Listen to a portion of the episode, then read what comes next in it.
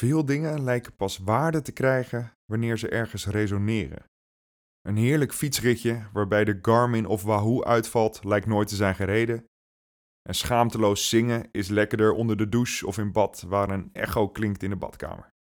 En wanneer we de kwaliteit van fietsvelgen, gipsmuurtje of houten deurposten willen controleren, begint het doorgaans ook met een paar tikken er tegenaan geven. En bij mensen lijkt het niet anders te gaan. Iemand is pas nieuws als zijn of haar naam de krant of tv haalt. En iets doms of crimineels doen is daarmee een van de snelste en verleidelijkste manieren tot waardering of zelfwaardering.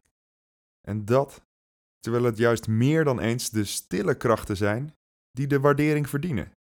Krachten zoals Andrea Carrea. Luister verder.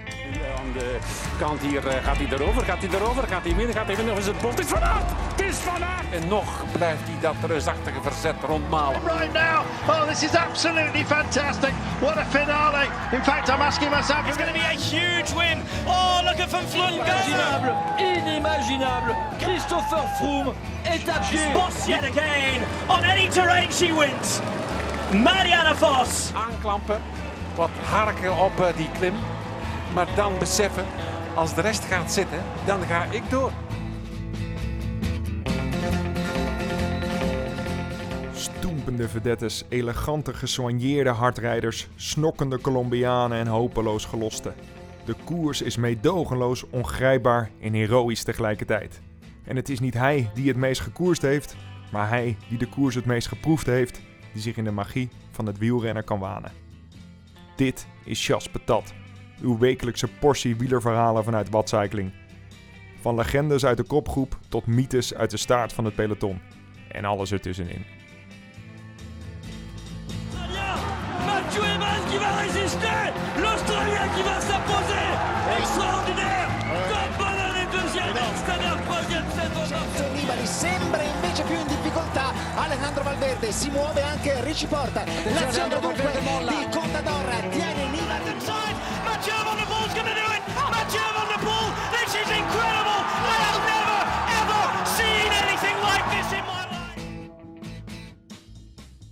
Fausto de schoenenpoetser. Eind jaren 50 god er in Italië een bijzonder hiërarchisch podium. De paus stond stevast op plek 3 en plek 2 en 1 lagen bijzonder dicht tegen elkaar aan. Afhankelijk van de tijd op de wielerkalender wisselden de lieve heer en Fausto Coppi elkaar af. En niets ten nadele van Robert Geesink, de condor van Varsenveld, maar Fausto Coppi heeft waarschijnlijk de mooiste, sterkste en krachtigste bijnaam die een renner ooit verworven heeft. Il Campionissimo. In een generatie waarin grootheden als Bartali en Robic pedaleerden, wist Coppi te excelleren en maar liefst 153 overwinningen bij elkaar te fietsen. Van vijfmaal de Giro d'Italia en de Ronde van Lombardije tot weergaloze zegens in Parijs-Roubaix en de Trofeo Baracchi. Een superioriteit die waarschijnlijk niet half zo groot was geweest als Andrea Carrea niet had bestaan.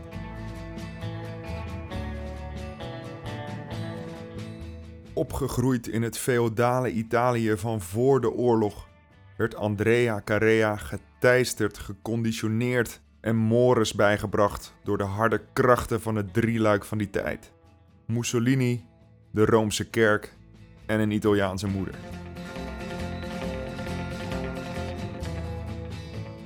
Dit maakte Andrea qua karakter tot de perfecte knecht. Of zoals het in het Italiaans zo fenomenaal fijn klinkt, gregario. Een mooie woord voor waterdrager bestaat er denk ik niet. Carrea was de perfecte meesterknecht voor de man die het knechtensysteem min of meer heeft uitgevonden en geoptimaliseerd. En was met zijn enorme lijf niet weg te slaan bij zijn meester Fausto. Met zijn grote lijf en de sierlijkste haakneus die ik ooit heb gezien, hield hij zijn Campionissimo niet alleen uit de wind, maar zette hem ook stevast in de schaduw.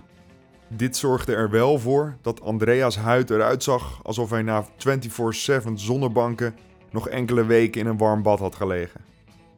En met zijn prachtige, glanzende donkere haren, bijna lichtgevende blauwe ogen en volledig ontwikkelde benen wist hij uitlooppogingen te neutraliseren, drinken te vinden plus halen wanneer gewenst en zo nodig eindeloos met tempowisselingen te spelen om de koers te ontregelen.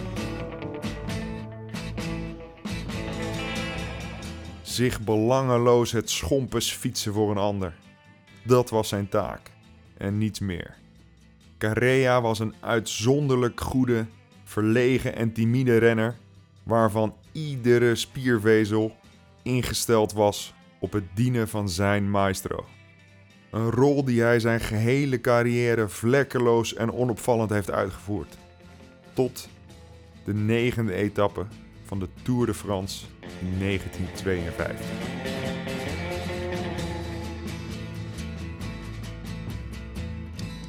Het is 3 juli 1952 als het peloton net wat vroeger dan normaal vertrekt vanuit Mulhouse richting Lausanne. Koppie, uiteraard kopman van Team Bianchi, peddelt rustig met zijn mede-wegarbeiders de benen rond. Een dag later ligt voor het eerst in de tourgeschiedenis de Alpe d'Huez in het verschiet, dus kalmpjes aandoen is het devies van de dag. Na verloop van tijd is er toch een groepje renners die het gekriebel van goesting in de benen niet kan weerstaan en een voorsprong van 2 à 3 minuten pakt op het peloton. Onderdeel van die ontsnapping is Jean Robic, een van de concurrenten van Fausto Coppi voor de eindzegen van het jaar. En in een poging te controleren en ontregelen springt Andrea Carrea mee. De hondstrouwe knecht raakt verzeild in de voorste regionen van de koers. Fausto Coppi's overgebleven ploeggenoten vragen aan Coppi of ze teruggehaald moeten worden, maar Coppi schudt van nee. Consolidare, antwoordt hij. De knechten kijken elkaar vragend aan, maar niemand durft tegen deze halfgod in te gaan en dus houden ze het gat op een minuut of drie à vier. Carrea, nog altijd in de kopgroep, zit inmiddels trillend en bevend op zijn fiets. De benen zijn goed, misschien wel de beste van iedereen, maar dat is precies wat eraan scheelt. Hij had nooit verwacht dat deze kopgroep stand zou houden en de finish komt steeds dichterbij. Het maalt door zijn kop. Wat moet hij straks zeggen tegen Koppie als hij ter verantwoording wordt geroepen? Er is nergens besproken dat hij voor de overwinning zou rijden. Hij weet niet eens wat het is. Zijn hoofd gonst harder dan zijn benen. En de angst dat deze rit hem wel eens zijn baan als renner kan kosten, neemt ziender ogen toe.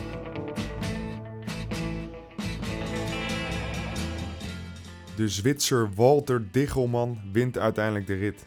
Onze landgenoot Jan Nolte, familie van watcyclingtrainer Bram, pakt die dag de derde plek. En in hun kielzog komt Carrea over de meet. Zonder ook maar 1 centimeter op kop te hebben gereden en bang voor wat komen gaat, rijdt hij in één keer door naar het hotel om daar de deur op slot te doen en met de handen in het haar op bed te ploffen.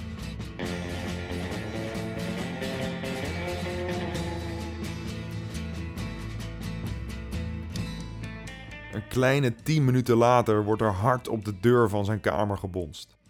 Met gezonde tegenzin en lichtelijke angst opent Carrea de deur en kijkt daar in de ogen van enkele mannen van de gendarmerie. Of hij mee wil komen naar het podium. Omdat de kopgroep niet meer is bijgehaald, is hij de best geclasseerde renner en daar hoort een gele trui bij. Een jongensdroom voor velen, maar niet voor Carrea. Die baalt als een stekker. Permanente ronde mis en betoverende accordeoniste Yvette Horner moest die dag op een stoofje gaan staan om de beste man te kussen. Maar die kussen deden hem weinig.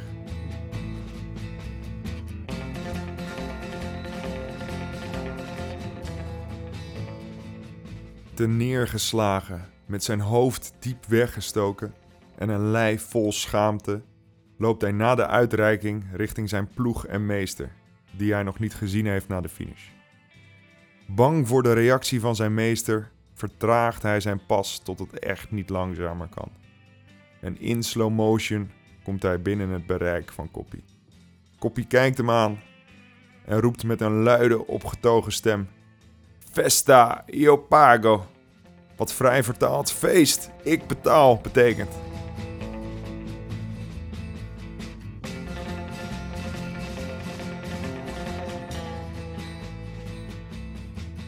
Het duurt een paar seconden voordat de teamgenoten begrijpen waar een kopman de afgelopen etappe mee bezig is geweest en beginnen vervolgens keihard te lachen.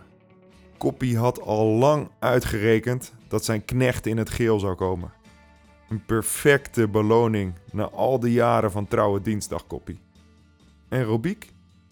Die pakte hij de volgende dag wel terug op de Alpe.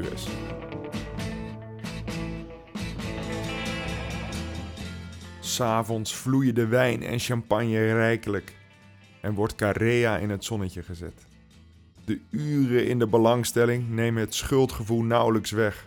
En gedurende de avond biedt hij met betraande ogen keer op keer Fausto zijn excuses aan, die iedere keer ruimhartig werden geaccepteerd.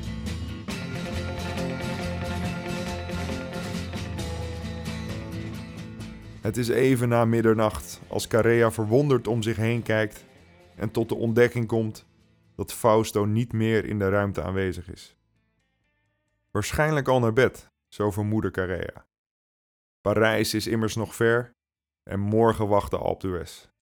Moe van alle ontlading, festiviteiten en schuldgevoelens, strompelt hij, nog altijd in zijn gele trui, richting zijn hotelkamer. Als hij zijn enorme stuurvaste handen op de deurklink legt en de deur van zijn kamer opendoet, schrikt hij zich wezenloos. Want daar zit hij, op het bed. Op zijn bed nota bene. Fausto Coppi, zijn kopman, zijn meester, zijn ideaal.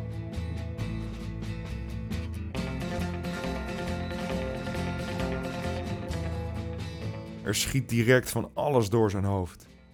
Zou de acceptatie van Koppie voor zijn gele trui dan voor de bühne zijn geweest? En zou hij er nu flink van langs krijgen? Zijn hart bonst in zijn keel en zijn adem lijkt even te stokken. Zijn benen hebben zelfs in de langste etappes niet zo week gevoeld als nu. En met trillende stembanden probeert hij voor de zoveelste keer zijn verontschuldigingen eruit te stamelen. Maar tot zijn verbazing reageert Koppie niet. Blijft stil. Carrea heft zijn hoofd op om met gezonde tegenzin zijn meester in de ogen te kijken. En ziet tot zijn verbazing dat deze op rustige wijze de schoenen van Carrea aan het poetsen is. Want Koppie, in al zijn grootsheid, had bedacht dat Carrea alle privileges behoorde te ervaren die horen bij het dragen van de gele trui in de Tour de France. En zo ook het dragen van gepoetste schoenen. En zo poetste Il Campionissimo nederig de schoenen van Carrea in plaats van andersom.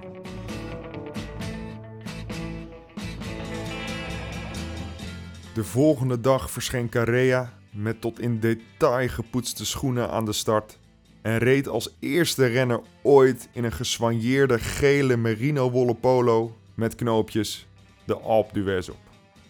Die dag hield hij niet alleen Fausto uit de wind, maar ook de rest van het peloton en de Alpe d'Huez zelf. De immer onderdanige Italiaan voelde zich gewaardeerd en gezien en zat dankbaar met een glimlach breder dan zijn borstkas op de fiets. En eerlijk is eerlijk, hij vond het na die dag ook helemaal niet erg om weer terug te keren in zijn bekende rol en de gele trui weer af te staan. Aan wie? Fausto Coppi natuurlijk. Die pakte het geel, stond deze tot aan Parijs niet meer af en won zo de Tour van 1952. Fausto Coppi. Il Campionissimo en schoenenpoetser.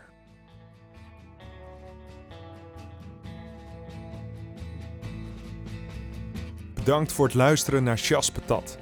Abonneer je op het Chas Patat kanaal om op de hoogte te blijven van nieuwe afleveringen. En het helpt ons ook weer om gevonden te worden door nieuwe luisteraars. Lees je liever zelf? Ga dan naar watcycling.nl slash patat. Want het is de streep die telt.